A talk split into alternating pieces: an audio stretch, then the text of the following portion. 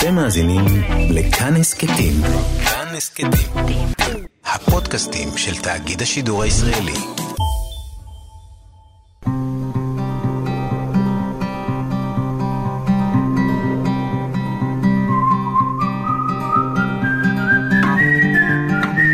אחת פלוס חמש, אורחים וספרים עם ענת שרון בלייס.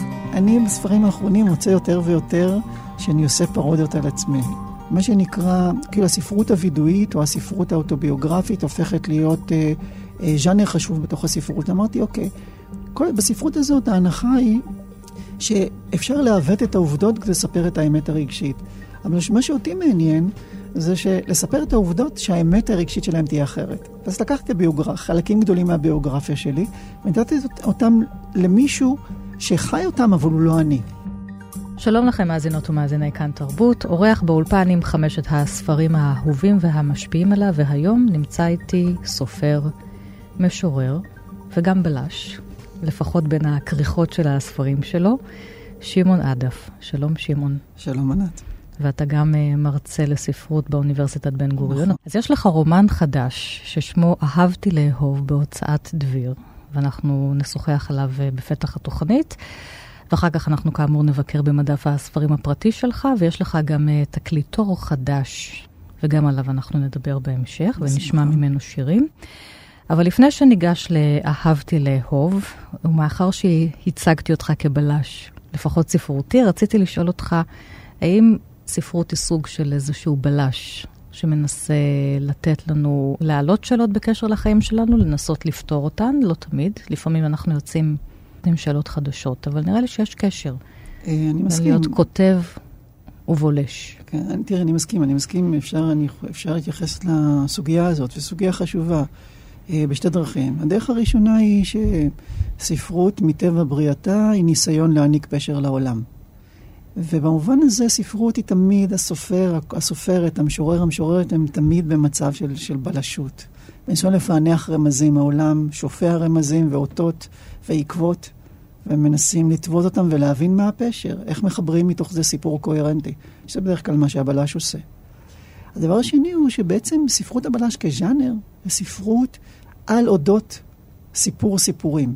זאת אומרת, מה קורה? הבלש מגיע, או הבלשית הם מגיעים לזירת רצח. לא יודעים עדיין מה הסיפור, מה קרה שם, נכון? ולכל אחד מהחשודים, או אנשים שיש להם נגיעה, יש סיפור. והתפקיד של הבלש זה להתחיל ולהרוג את כל הסיפורים האלה ולטעות למה הם הנדסו את הסיפורים שלהם ככה. זאת אומרת, העדויות שהם נתנו, בדרך כלל כולם מסתירים משהו. Mm-hmm. אז הבלש צריך לגלות מה הם מסתירים, הוא צריך בעצם לקחת את הסיפור שלהם ולארגן אותו מחדש לסיפור כולל, שגם מסביר מה קרה.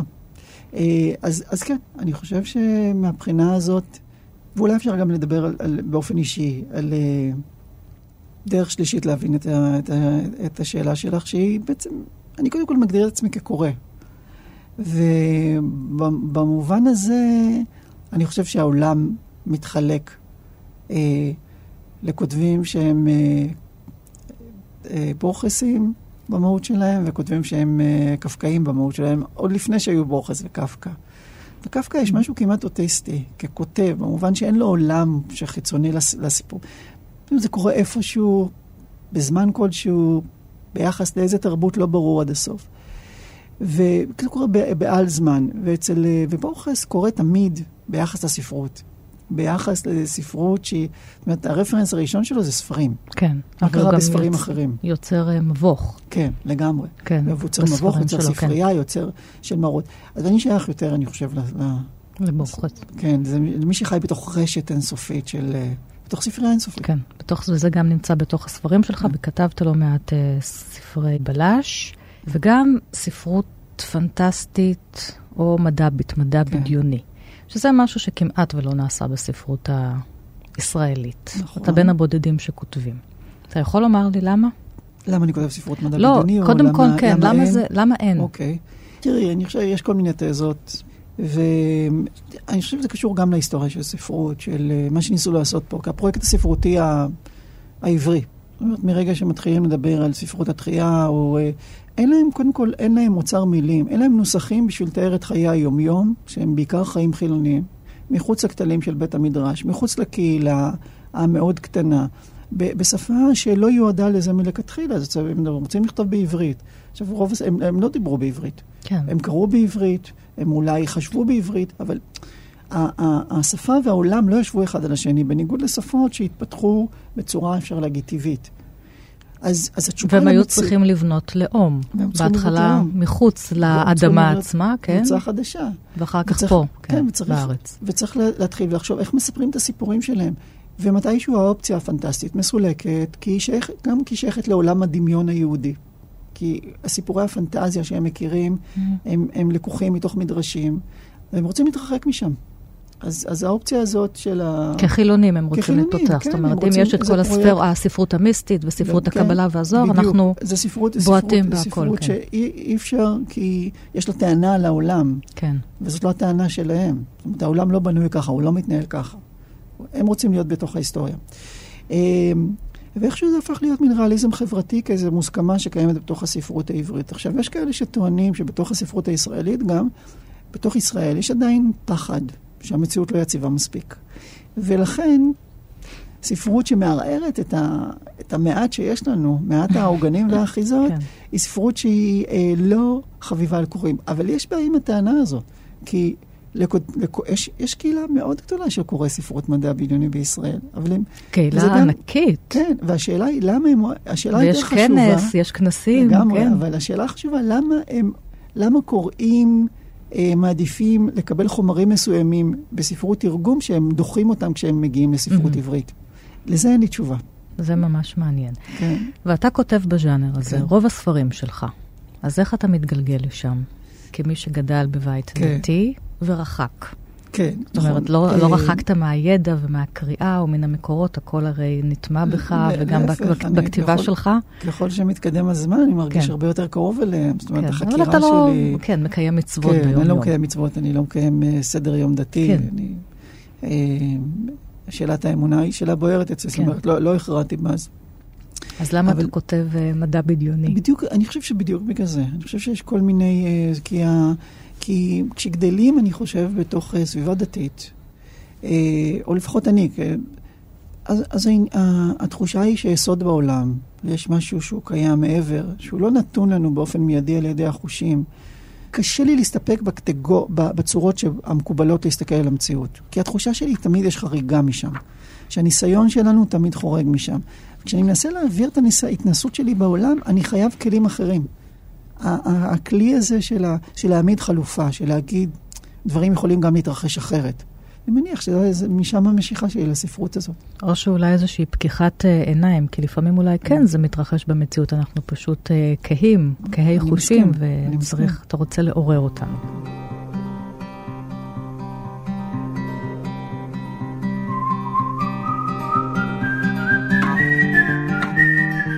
אז נצלול לתוך אהבתי לאהוב, שראה אור אה, בהוצאת אה, דביר. נוריה חזן, היא שבה לעיירה שבה היא גדלה, שהיא עיירה שדי מזכירה את אה, שדרות, העיירה שבה אתה נולדת וגדלת ומככבות בס- בספרים שלך, אחרי שהייתה, ואתה כותב את זה, בגלות. כן.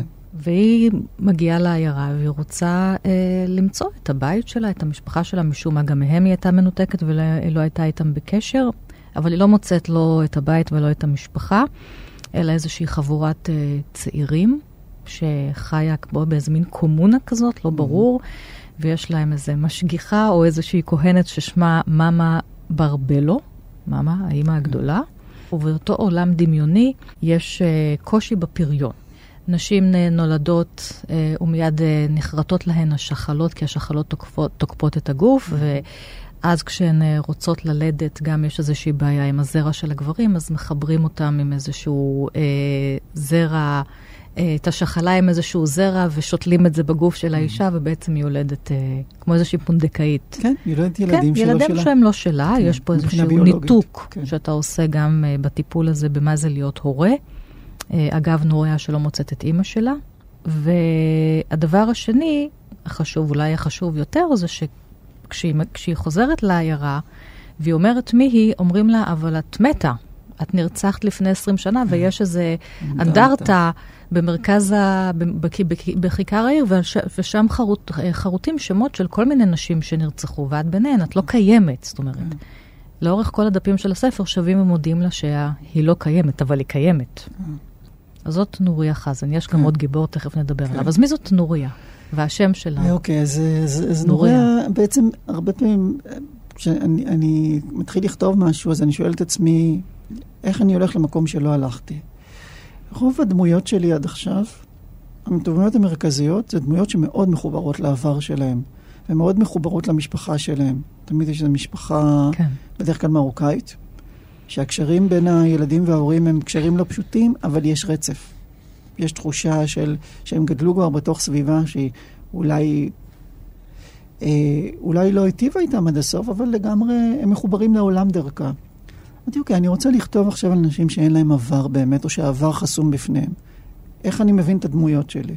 אז זה התחיל מהמחשבה הזאת, וזה כמובן טפח לאיזה אלגוריה של עולם, שבו עולם שאף אחד לא, לפחות את, את האימא לא מכירים. ויש כאלה שגם גם את האבא לא מכירים, אז שזה מין עולם שיש שיחשבו שהוא מסויט, ויש שיחשבו שאולי זה עולם שאולי הוא מעניין יותר. אבל היא לא מכירה את עצמה. היא לא מכירה את עצמה, זהו. זה כי אם גם- היא מגיעה ואומרים לה, אבל את לא קיימת. את לא קיימת, אבל כן. היא קיימת, הנה הגוף שלי, והנה כן. הנפש שלי, והנה האנשים שאני פוגשת, אז מה עושים? שאלה. נכון, אז מי אז אני? מי- אז מי אני? וכמובן, אני, אני אוהב גם לעבוד עם איזה סוג של מישור סימבולי. וגם נורע, השם נורע וגם אה, השם ברבלו, הם, הם שמות שמגיעים מהמחשבה הגנוסטית.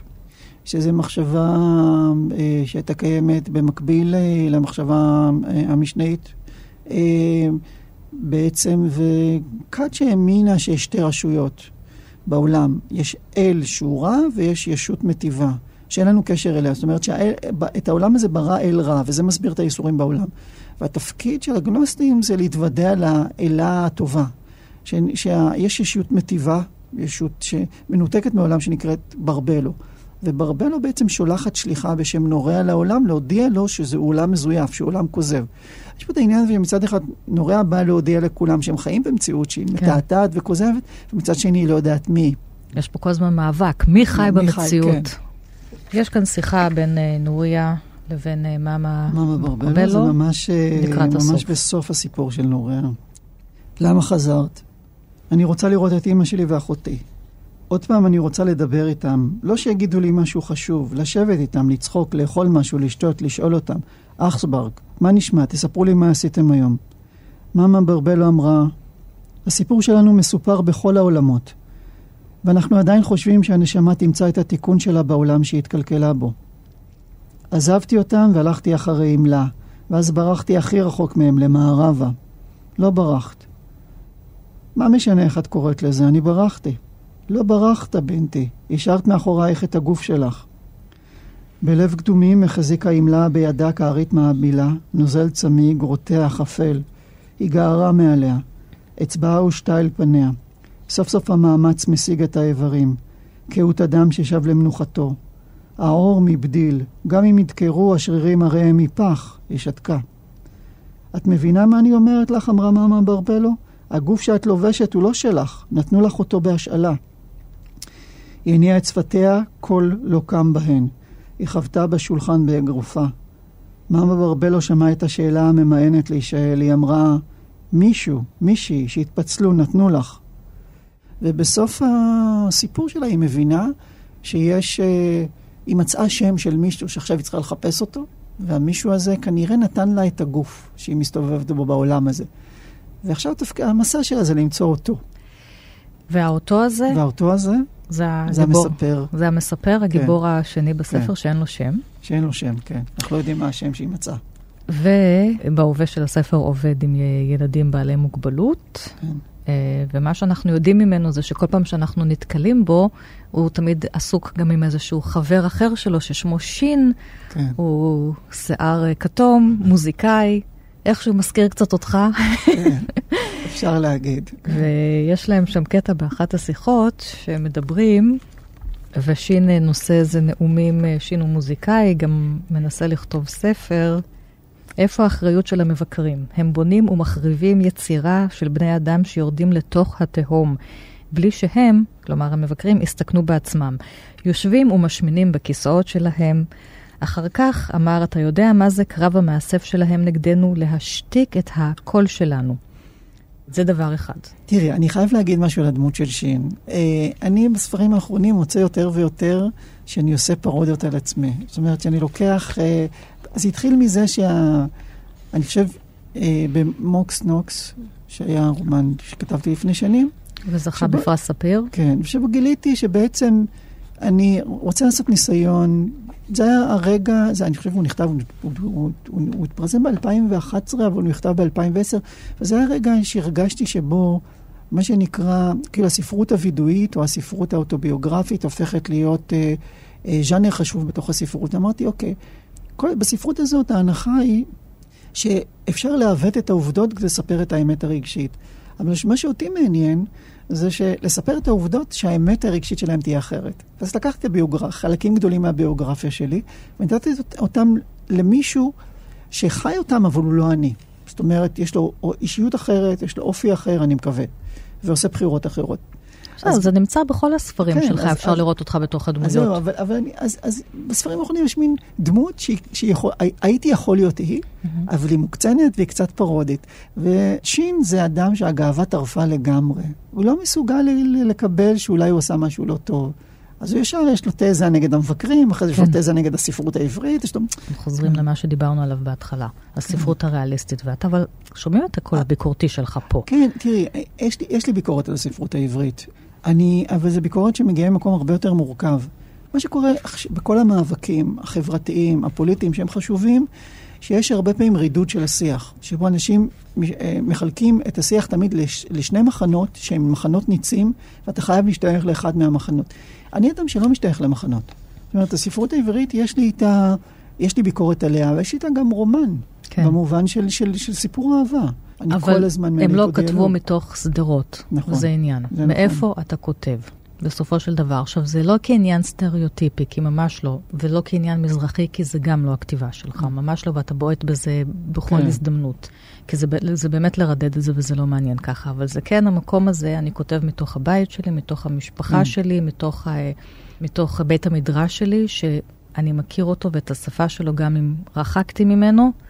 ומתוך שדרות, על כל המשתמע כן. ממנה, שדרות של, שפעם לא הכרנו אותה, והיום היא מאוד מפורסמת.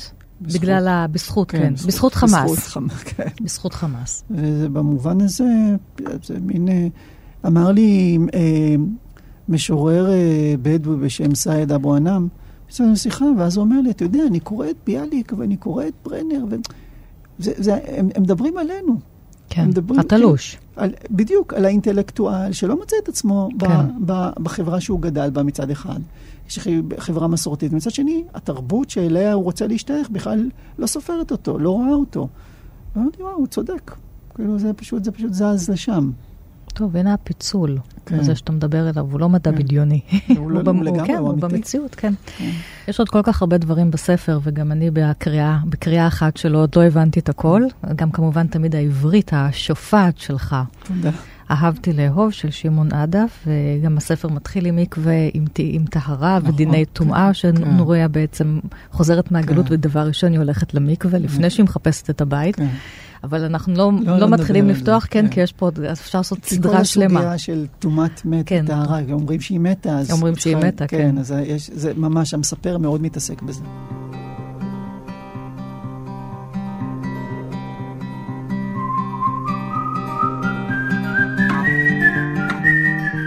אנחנו מיד פונים לספר הראשון שבחרת, ואנחנו מתחילים עם הילדות. גן החצות של תום, מאת הסופרת הבריטית פיליפה פירס.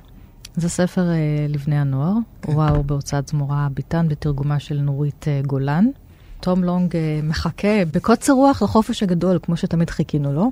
וכשמגיע החופש הגדול, אח שלו חולה, וכדי שהוא לא יחטוף אה, בחצבת, שולחים אותו לאיזה דודים באיזה עיר מרוחקת כן. ומשמימה. מרוב שיום הוא אפילו לא נרדם בלילות, ואז לילה אחד השעון אה, מנגן האורלוגין 13. ואחרי שהוא מנגן 13, פתאום הוא רואה גן קסום. לא רואה ריח, כן. ופה מתחילות ההרפתקאות שלו. כן. תספר לנו. מתי קראת את הספר? ממש, האמת שזה ספר... למה אתה אוהב אותו עד היום? זה ספר שהגעתי אליו יחסית מאוחר, כי הוא גם תורגם מאוחר לעברית. אני גם התעסקתי בזה, וזה גם הספרים שמאוד אהבתי בתור ילד, היו הספרים שילדים, כמו נגיד נרניה, שעוברים, ילדים שעוברים לעולם אחר. כן. שהעולם הזה לא מספיק להם, ואז הם מגלים איזה סוג של אה, אמצעי מעבר קסום, זה יכול להיות ארון, זה יכול להיות חלון, זה יכול להיות קופסה שנשלחת להם. זה יכול להיות שיש להם מפתח והם מצליחים לפתוח, למצוא את הדלת שלו, כמו נורי ש... הגיבורה שלך. כן, חומקת מהם. ופה גם יש את העניין הזה, ש... שמשהו ביום הוא אה, סמטה עם פחים, בלילה הופך להיות מין גן קסום. כן. אבל אין שם קסם, זה נגיד, זה לא אדית נסבי, שגם לה יש את העניין הזה שילדים יוצאים בלילה והם, והם מגלים כל מיני דברים מחושפים. אה, הוא פשוט פוגש ילדה. וכל הקסם הוא ללמוד את החיים עוד פעם. ומה שיפה בספר שהוא מסופר מנקודת מבט של נער, או ילד על סף התבגרות, שתפיסת הזמן שלו, הפנטזיה היא פנטזיה של זמן, היא לא כן. פנטזיה של מקום, של לעבור למקום אחר. זה לעבור לזמן אחר, ו, ו, לה, וההתבגרות שלו זה להבין איך הזמן עובד. זה לא להבין, לא עלילות גבורה, שהוא צריך אה, לכבוש אה, או כן. להפיס איזה סוג של אה, איום, או איזה סוג של צל שחור ולחזור הביתה. כאילו שזה תמיד סיפור מרחבי. זה להבין איך הזמן עובד. כי כשהוא מגלה את הגן, הזמן גם חוזר אחורה. אחורה. הוא חוזר בעצם אה, לסוף המאה ה-19, כן. ו- והוא פוגש שם ילדה שחיה בתקופה הזאת שנקראת הטי, אבל כל מה שיש בגן הזה זה אהבת אדם, זהו.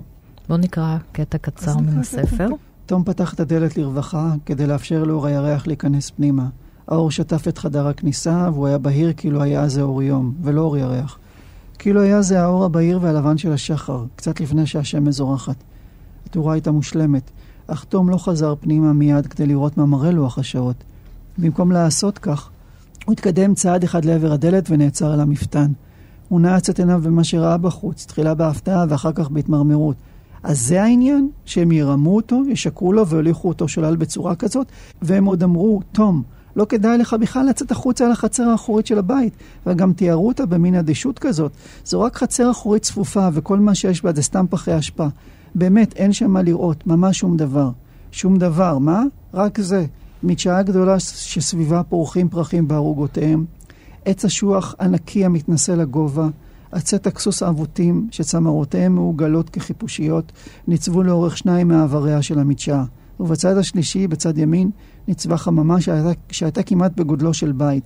מכל אחת מפינות המדשאה הוביל שביל מתפתל עמוק אל תוככי הגן, אל מקום שבו צמחו עצים נוספים.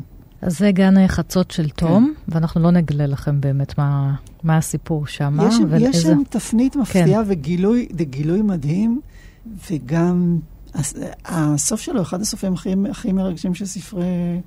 ילד. אני בדרך כלל שונא את הרגע שבו ילדים מתבגרים בספרי נוער. שבו הם צריכים להבין, זהו, שהם מבוגרים ונסגרה, הדלת נסגרה. הם לא יכולים לעבור יותר. ו, וזה הפעם הראשונה שזה קורה, ושההתבגרות נוחתת עליו, זה רגע, רגע ממש מפעים. עכשיו, יש לך אלבום חדש כן. גם, הזכרתי בפתח התוכנית, ששמו, אני לא יודעת אם צריך לומר שיש לך. זה לא שלי. זה ש... tricky, כאילו, זה לא בדיוק שלך. אני הייתי שותף לאלבום, כן. טוב. אז נדייק, כן. היית שותף, אתה המפיק, המפיק המוזיקלי. אה, אה, חיים רחמני ואני, שאנחנו צמד ששמו רקמות, כן. איבדנו את השירים, כן, והפקנו אותם. שם האלבום מיתולוגיה שלמה מתחת לציפורניים, השירים של דליה שושן. שושן. אתה רוצה לספר? או שאני אספר מי זאת דליה? תספרי, את מעניין לשמוע איך את רואה את הפרויקט הזה. תראה, אני פגשתי את דליה שושן אה, בספר קודם שלך, מתחילת שנות האלפיים, ששמו קילומטר ויומיים לפני השקיעה, שזה ספר ראשון בטרילוגיה בלשית. ושם אה, דליה שושן היא זמרת אלטרנטיבית, מין אה, פנקיסט, רוק, פאנק רוק כזה אלטרנטיבית, יש לה הרכב, והיא גם אה, לומדת באוניברסיטה, זאת אומרת, מחלקת את ימיה בין האקדמיה לבין המוזיקה, כותבת שירים מאוד יפים, ויום אחד היא נרצחת. Okay. כן. למעשה הספר אה, הוא, הוא הניסיון לפענח את תעלומת הירצחה ומי רצח את דליה שושן. Okay. כן. ועכשיו אתה מוציא את השירים שלה. Uh, כן, השירים שלה שבעצם הופיעו בספרים, uh, חלקים מהטקסטים הופיעו, בספ... הם מפוזרים בספרי הטרילוגיה. כן, בעיקר, בעיקר בקילומטר נכון. ויומיים. אז כן. באלבום הזה כל מיני זמרים ידועים כיום כן. מבצעים את השירים uh, של דליה כן. שושן. וכבר נתקלתי באנשים ששאלו אותי, uh, הגיע אלבום, שמעת על הזמרת הזאת, המשוררת הזאת, כן. הם גם באו לשאול אותי, כי זה מאוד uh, משוררי, אם כן. אני מכירה בתור מישהי שבקיאה בשירה. והתחלתי לצחוק, אמרתי, היא לא באמת קיימת במציאות, היא דמות ספרותית. כן. היא בעצם, אה, היא בעצם שין, שהוא בעצם שמעון עדף. אה, יש לי הרבה מאוד פנים, אבל גם השאלה של מה זה, מה זה דמות שקיימת, זו כן. שאלה שמעניינת. תראי, לא, לא, לא...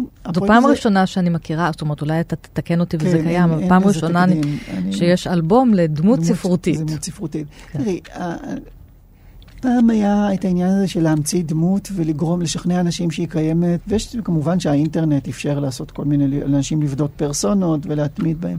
ובעיניי היום זה לא מעניין, העניין הוא הספק. של לא, ב- לשאול- זה לא ב-. אה, בדית הפרסונה ב- כן. בווירטואלי, אתה זה הולך גם- זה למקום גם- אחר וגם לחלוטין. השאלה, מה, מה זה קיימת זה, במציאות? זה כמו מה שעושה פסואה, אתה, אתה יצרת פה כן. דמות, פסואה שהמציא משוררים, נכון. ועם כל אחד עם הסגנון שלו, יצרת פה דמות, עם הביוגרפיה כן. שלה, עם כן. הכתיבה שלה. והעניין הוא באמת גם, מה זה בימינו, מה זה להיות קיים? האם להיות קיים בתודעה של אנשים? האם זה בעצם, יש, יש תעודת לידה? יש איזה מסמכים שמעידים על זה ש, שהאדם חי? או שחיים זה באמת הדרך שבה אנחנו נמצאים אצל, בזיכרון של אנשים. ואני בתור אדם שחלק מהקיום שלו בתוך ספרים, ואני מניח שגם את, יש דמויות ספרותיות, כן, ולאנשים אחרים יש. דמויות בטלוויז, טל, טל, טלוויזיוניות או קולנועיות שהן הרבה יותר ממשיות להם מאנשים שהם לא ויותר שמעו את שמם. משמעותיות, בדיוק, משפיעות עלינו. משפיעות עליהם, מלמדות אותם איך לחיות. נכון. אה, אנחנו שומעים, נשמע את יורם חזן שר את השיר, ששמו ארץ הצל. כן.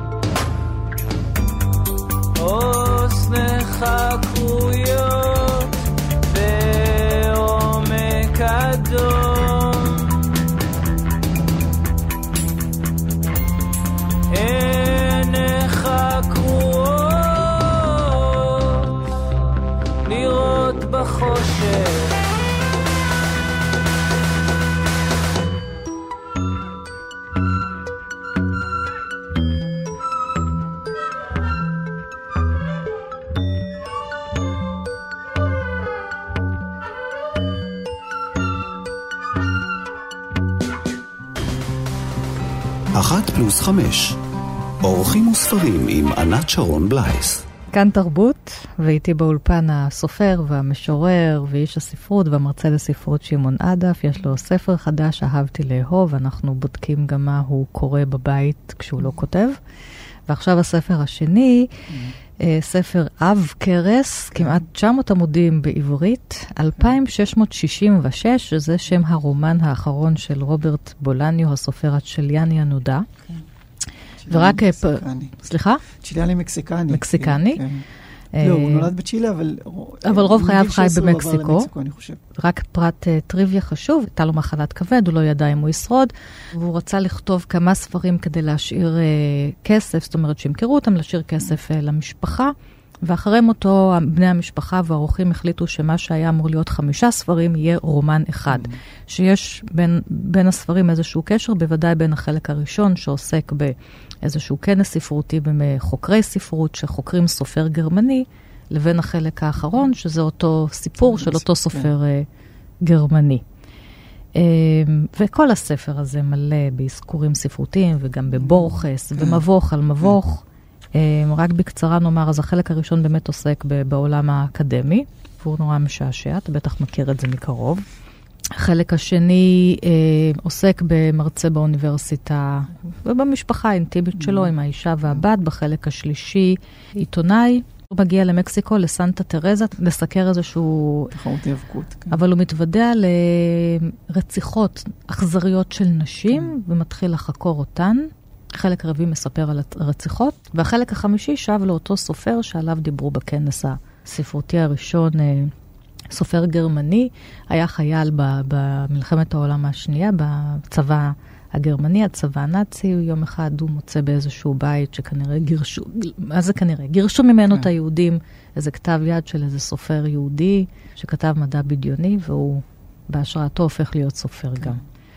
כל זה על קצה המזלג. ממש על קצה המזלג, כן. כן. זה גם באמת, גם ספר עב כרס ובאמת גם עמוס. כן, אבל הוא קריא מאוד. קריא מאוד. חוץ מה... באמת צריך להזהיר לגבי החלק על הרציחות, אז למה את אוהבת את הספר הזה? קודם כל, היו בו דברים שאת... קראתי אותו קודם באנגלית, והיו בו דברים שאני כבר כתבתי לעצמי, שזה די הבהיל אותי. יש פה איזה סוג של, אה, אה, לא שאני משווה את עצמי אליו, כן. אבל סוג של הדהוד שמעניין אותי לחקור. וניסיתי להבין למה את הספר הזה אני אוהב במיוחד. לא בגלל, ה, לא רק בגלל העידודים. ואני חושב שזה ספר שבאיזשהו מקום חוזה את התקופה שלנו, שיש פה איזה, יש לנו איזו אובססיה לדעת מי הסופרים שכותבים את הספרים. העניין הזה שסופרים אלמונים מטריף אותנו. גם בישראל, כשמדי פעם מפורסם איזה ספר ש... אה, אה, מסתירים את שמו, את הזהות האמיתית של הכותב או הכותבת, כולם ישר מתחילים לעסוק בזה. אז מי זה? מי זה? וארג'ין בולדו הוא נעלם גדול. מצד אחד הוא סופר שמגיע להרבה מאוד אנשים. תגידו רגע עוד פעם את השם שלו, כן. ארג'ין בולדי, ארצ'ימבולדי, כן. כן.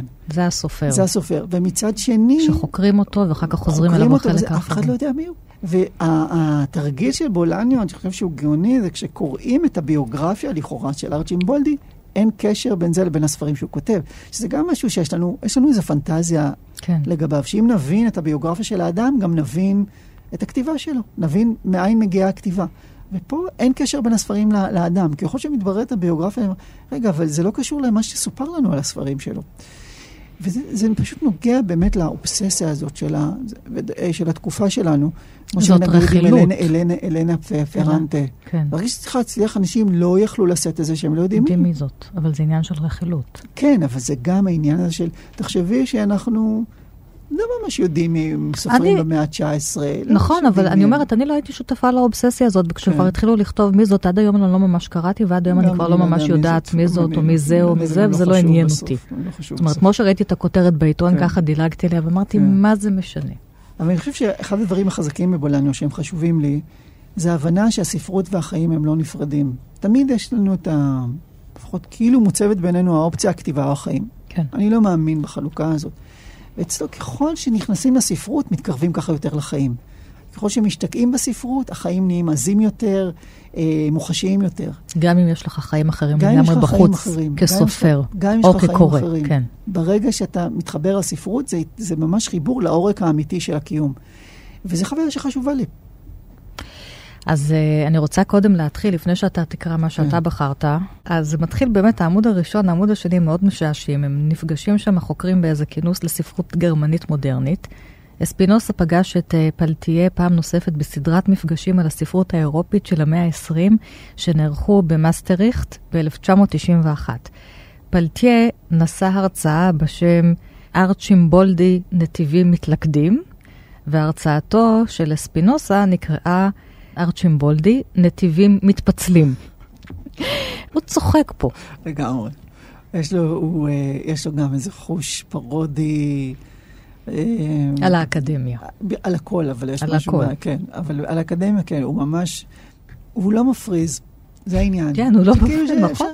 כאילו, הרבה מהספרות שנכתבת על האקדמיה היא הפרזה מן העצמה של האקדמיה. הוא לא מפריז, אבל באותה עת הוא מצליח לעשות פרודיה, שזה בדיוק. די, די יוצא דופן, כי לפעמים אנשים כותבים כל מיני מחקרים ש... שהם חסרי שחר. אז מה אתה בחרת?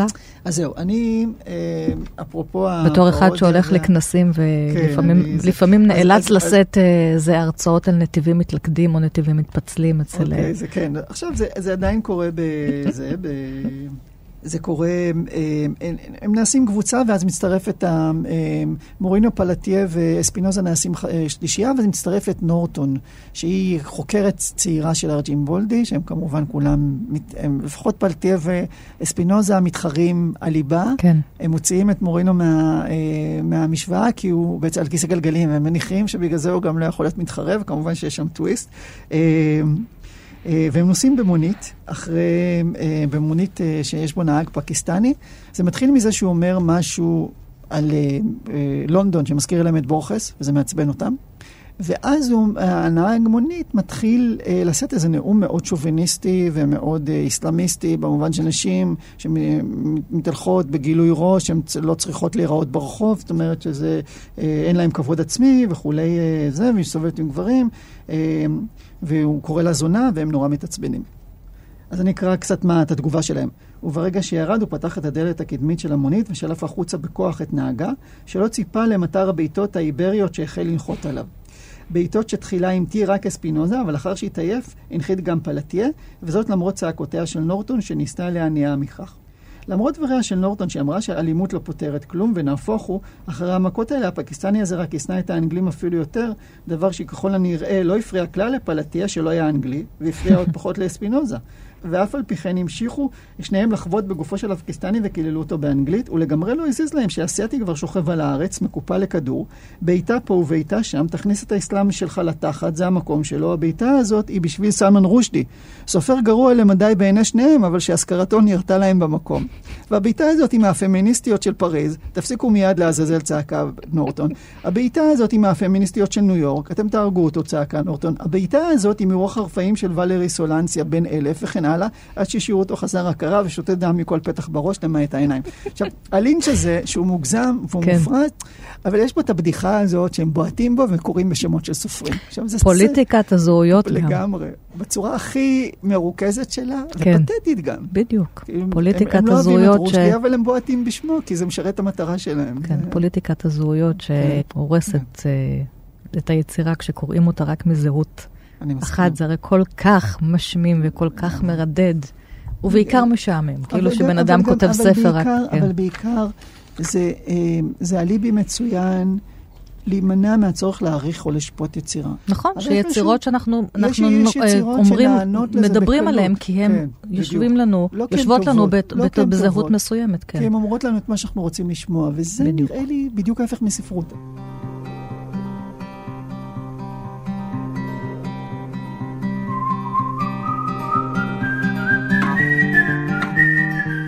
מאזינות ומאזינים, אנחנו עם אה, הסופר, המשורר, המרצה לספרות אה, באוניברסיטת בן גוריון, שמעון עדף, עם הספרים שלו, ואנחנו עם הספר השלישי. עכשיו אנחנו נהיה קצת עם שירה סוף סוף, כן, סוף שמעון, סוף, סוף כן. סוף. כן, שירה צעירה, כן. אה, אנתולוגיה משנות ה-60, שיצאה בהוצאת עקד, ובה התפרסמו אה, בין היתר פעם ראשונה סופרים, אה, ש... משוררים, שהפכו להיות המשפיעים ביותר עד היום. כן. השפיעו עליך, השפיעו עליי, וזה ספר שהוא מאוד אה, חשוב לך, יש לי גם אותו בבית. יצאו שני כרכים. כן, נכון. אנחנו כן. מדברים על הגרסה המורחבת, הכחולה. לא הכחולה, החומה. כן. יש לי גם את הספר הזה, בטח מצאתי אותו כן. באיזה חנות וואו. לספרים משומשים. כן, גם אני. אז את מי אתה בוחר מכל המשוררים? אז האמת... זה- וחלקם נשארו, נשארו כן. פחות מוכרים עד חל- היום, אבל אה, לא פחות טובים. כן, הוא היה מין, מין איזה סוג של, אה, אפשר להגיד, ארוחת טעימות. של השירה כן. העברית. בוא תראה מה יש בשירה העברית. אני חושב שהמדהים בו, שאם קוראים אותו היום, זה רואים עד כמה זה הייתה, איזה פריצה עצומה עשתה בשנות ה-50, 60 ו-70. השירה הישראלית, כן. השירה קפאה על השמרים, במובן שזה רלו... זה שירה שהיא עדיין חיה. אמ, אז אני אקרא דווקא שיר של אנטון שמאס. שיר קצר. מצוין, נפלא. שהוא משורר אה, נהדר, שכמובן כבר אה, לא קוראים משורר אותו. וסופר, עם וסופר נהדר, הרומן כן. שלו, ארבסקות, אחד הרומנים כן. היפים יפים, ביותר שנכתבו בספרות הישראלית. הוא יליד הכפר פסוטה בגליל העליון, והוא חי כיום בארצות הברית, וגם מתרגם נהדר כן. מערבית. נכון. אז זה שיר קצר, מתוך מחזור של שירים שלו לאבא שלו, והוא נקרא כניסת הקדושה. אבי מת בקיץ, והחיץ בינינו הולך מאז ונהרס. עכשיו, בסתיו הוא ניצב כדלת בקצה שטח ההפקר של חיי. הגבול לפניו. כך אני מספר לילד שנרמס בתוכי. כך אני מספר לילד הניצב לפניי. אבי ניצב כדלת, ואחד משלושתנו נכנס. אחד וואו. משלושתנו נכנס, כן. תראה, אחד הדברים שהיו חסרים בשירה העברית, ומצאתי את זה אצל ארז ביטון, בכלל הספר הזה מאוד, כן. מאוד מפגין. ארז ביטון ואבות ישורון שלא מופיע, כי הוא כאילו מבוגר מהמשוררים. ש... וגם אצל שמאס, זה פתאום שירים על הורים. מהמם. עמיחי כן. אולי היה יוצא דופן שכתב על ההורים, אבל זה הדור שלא כתב על ההורים שלו.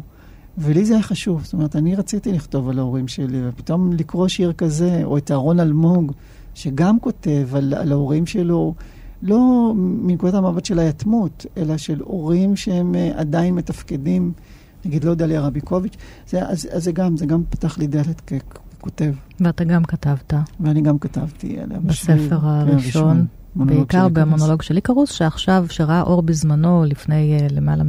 בדיוק עש- לא, 20, 22 שנה כמעט. 22 שנה, למעלה מ-20 שנה בהוצאת גוונים, כן. שכבר לא קיימת, ועכשיו בהוצאה מחודשת בכנרת זמורה ביטן, וחד עין. חד עין. המונולוג של איקרוס, באמת ספר שירה מושלם, הספר הראשון שלך. אה, שמעון נדף, ואנחנו ממשיכים אה, לעוד ספר שירה שלא תורגם עדיין לעברית.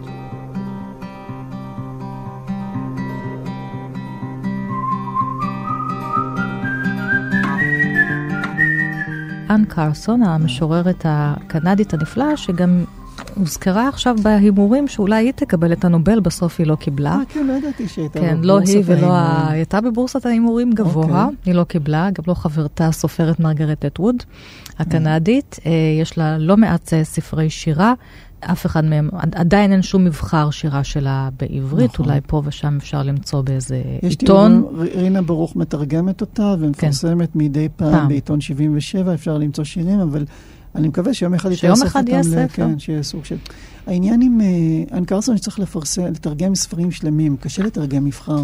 היא עובדת כן. במתכונת של ספר. שיש לו לא- קונספט ולפעמים גם קונספט, שיר שהוא פואמה, הוא מאוד מאוד כן. ארוך. והרבה פעמים היא משחקת גם עם הצורה הפיזית. אז אתה הבאת ספר שלה משנת 1995, ששמו כן. גלאס איירוני And God, גוד, שזה כאילו. זכוכית, אירוניה ואלוהים. ואלוהים. כן. זה הספר הראשון זה שלה. השילוש הקדוש שלה. כן. אה, ספר הביקורים שלה, שהוא בעיניי ספר נהדר, כי קודם כל צריך להגיד שהיא משוררת שמאוד, היא מגיעה מלימודים קלאסיים. והיא היא מחוברת, אה, בשיר, מחברת בשירה שלה בין אה, מין אנגלית מאוד יומיומית לכאורה, לבין כל העושר הזה של התרבות הקלאסית, הרומית והיוונית מצד אחד, מצד שני התרבות המקראית. אה, ורואים שנגיד ההשפעה של התרגום של המקרא, של המקרא לאנגלית, בעיקר קינגס ג'יימס ורז'ן, מאוד משפיע עליה, נגיד כמו שהוא השפיע על שייקספיר. במובן הזה היא, היא... יש משהו בחוויה שלה, היא משוררת ש, שאני, מורה, אמרתי לך את זה קודם לפני, שהיא מורה, אבל עוד לא, עוד לא הבנתי איך אני לומד ממנה. כי... בינתיים איזה- אתה מרגיש אותה. אני מרגיש אותה, יש איזה, בלי- יש לה ללמוד אינטואיציה. אינטואיציה לשירה, כן. וזה משהו שהייתי רוצה ללמוד ממנה, ועוד אני לא יודע איך להפנים את זה. איך לייצר שירה שהיא... אה, כותבת פואמות. זאת אומרת, יש שם סיפור, כן. אבל עדיין המבנה הנרטיבי לא פוגם. זאת אומרת, הפרוזה לא משתלטת, המבנה הנרטיבי לא פוגם בשיריות. אה, אני מנסה הרבה פעמים לעשות את זה הפוך, דרך הפרוזה, שהפרוזה נכתבת כמו שירה. אצלך. והייתי רוצה שהשירה תלמד גם משהו מהפרוזה, אולי זה יקרה. גם אצלך, אבל אפשר לראות גם בספר השני שלך, מה שחשבתי צל הוא הגוף האמיתי, וגם בספר אה, על אחותך, זכרה לברכה, לא, שהזכרת קודם, אביבה לא. שיש שם איזה קונספט. יש שם ו- רצון להגיע לפואמה, בטח נכון. אבל עוד לא, עוד לא הגעתי לשם.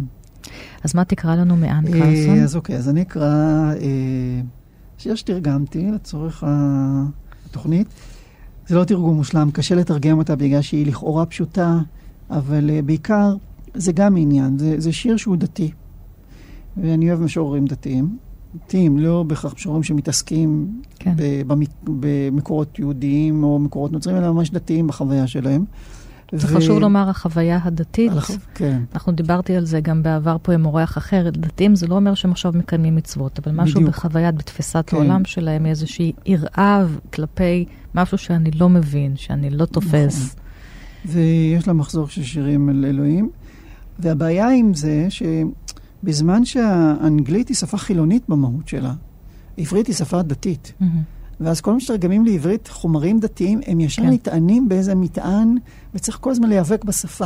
בזמן כן. שהמשוררים האמריקאים או הקנדים או האנגלים צריכים להיאבק כדי שהשפה שלהם תהיה דתית. משוררים עבריים זה הפריבילגיה שלהם. הם אומרים משהו וזה ישר דתי. אה, אז אני מקווה ש... לא, אני לא חושב שהצלחתי, אבל זה יעביר את ה... אני חושב את, ה, את הרוח שלה. הדת שלי. אין היגיון בדת שלי ואין לי בה תועלת. לכן אני דבקה בה. כאשר נשכיל לראות כמה פשוט עשוי להיות הדבר, נלקה את עצמנו. פקד אותי חיזיון של כלל בני האדם בעולם המבקשים אחר האל. מכונסים בחדר מצידה האחד של מחיצה, הנראית מצידה האחר, מהצד של האל, שקופה. אבל אנחנו סומים, מחוותנו סומות. אנו מתמידים במחוותנו הסומות זמן מה עד שלבסוף מהיכן שהוא, בצידה האחר של המחיצה, הנה אנחנו, מביטים בהן חזרה. מאוחר מדי. אנו רואים כמה שבורות, כמה יגעות, כמה קלוקלות המחוות הסומות שלנו, המחכות בעל האגם אשר רצה האל באמת. דבר פשוט כלשהו. המחשבה עליו, על הדבר הפשוט הזה, היא כמו יצור שהותר לחופשי בחדר ומתחבט לצאת. הוא חובט בנשמתי בכת רובה כהה. וואו, איזה שיר. כן. צריך אה, לשמוע צריך- צריך ולקרוא אותו לשמוע עוד פעם. לקרוא אותו, והוא כן, מיד הזכיר לי את בו. אה, מערה של אפלטון דווקא, כן, לגמרי. עוד לפני אה, זה מזכיר העניין עם מערה של אלוהים. אפלטון, זה מזכיר גם אמילי דיקנסון. כן. אז אן קרסון, אן קרסון, צריך לקרוא תחפשו אותה. אותה, כן. שירים שלה מאוד מאוד יפים. ועכשיו אנחנו סוגרים את התוכנית עם הספר החמישי, עוד זה חוזרים למדע בדיוני, חוזרים, כן. קלאסי.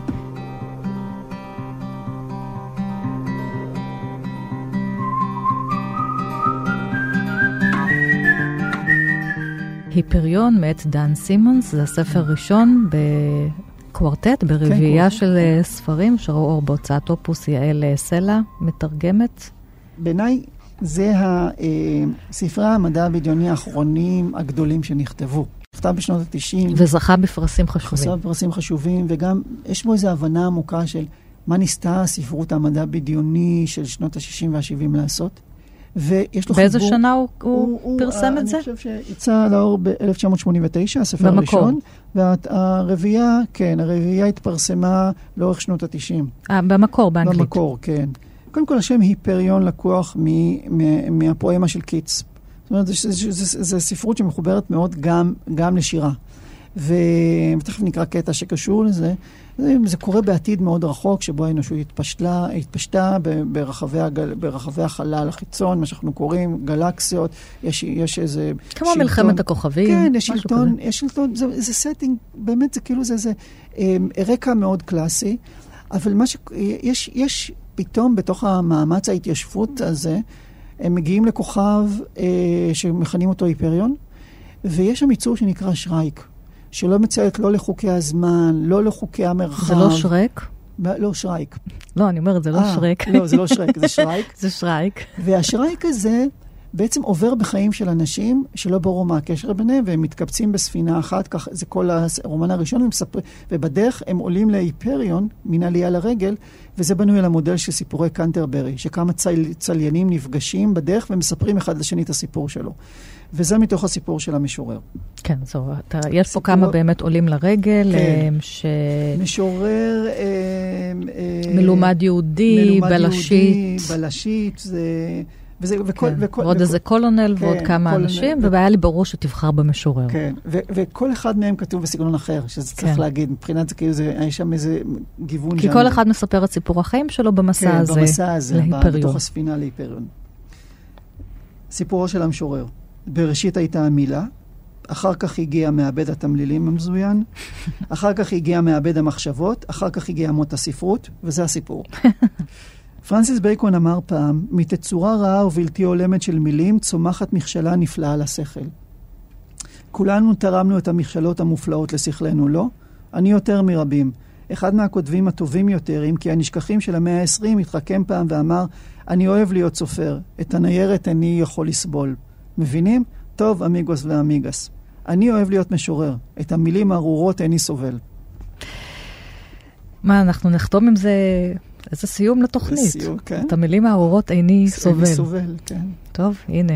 אנחנו מוחקים, מוחקים, מוחקים, מוחקים. כן. דילית, דילית, דילית. אוקיי, אז איזה בחירות יפות, וכמובן, על כל אחד מן הספרים אפשר עוד לומר כל כך הרבה. אנחנו מאוד, נוגעים בהם פה בקמצוץ בתוכנית, וגם על אהבתי לאהוב, הספר החדש שלך, שמעון עדף. אנחנו נחתום עם עוד שיר מתוך אה, מיתולוגיה שלמה מתחת לציפורניים, השירים של דליה שושן, האלבום אה, שלך ושל חיים רחמני. הרבה תודה לך שבאת לשתף כאן. אה. באהבתי לאהוב הספרותי שלך. ואני ענת שרון בלייס, כל הפרטים על התוכנית הזאת, אחת פלוס חמש ותוכניות אחרות תמיד בדף הפייסבוק שלי, וכל תוכניות אחת פלוס חמש וגם זאת עם שמעון הדף נמצאות ביישומון כאן, בפודקאסטים שלנו, אחת פלוס חמש, שתהיה שבת שלום. תודה לכם, שלום. להתראות. תודה רבה.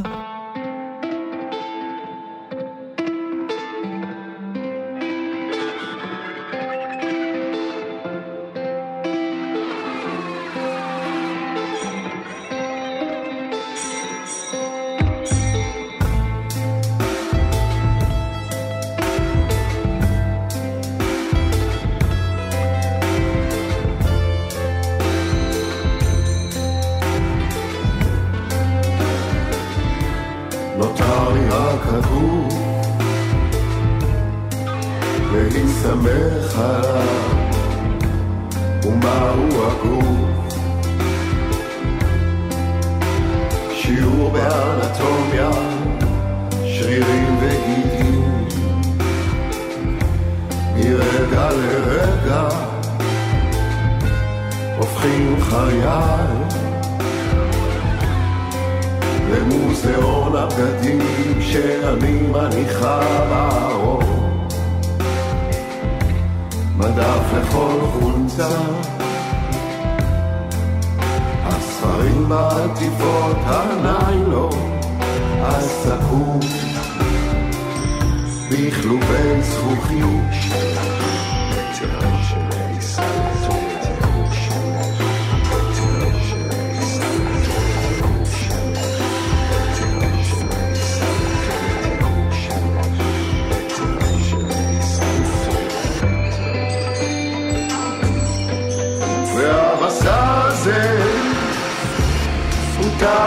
מעכב כמו אתר המסיע את השמש שמונה דקות ושנייה לאחר שהתרחש. שמונה דקות ושנייה לאחר שהתרחש. שמונה דקות ושנייה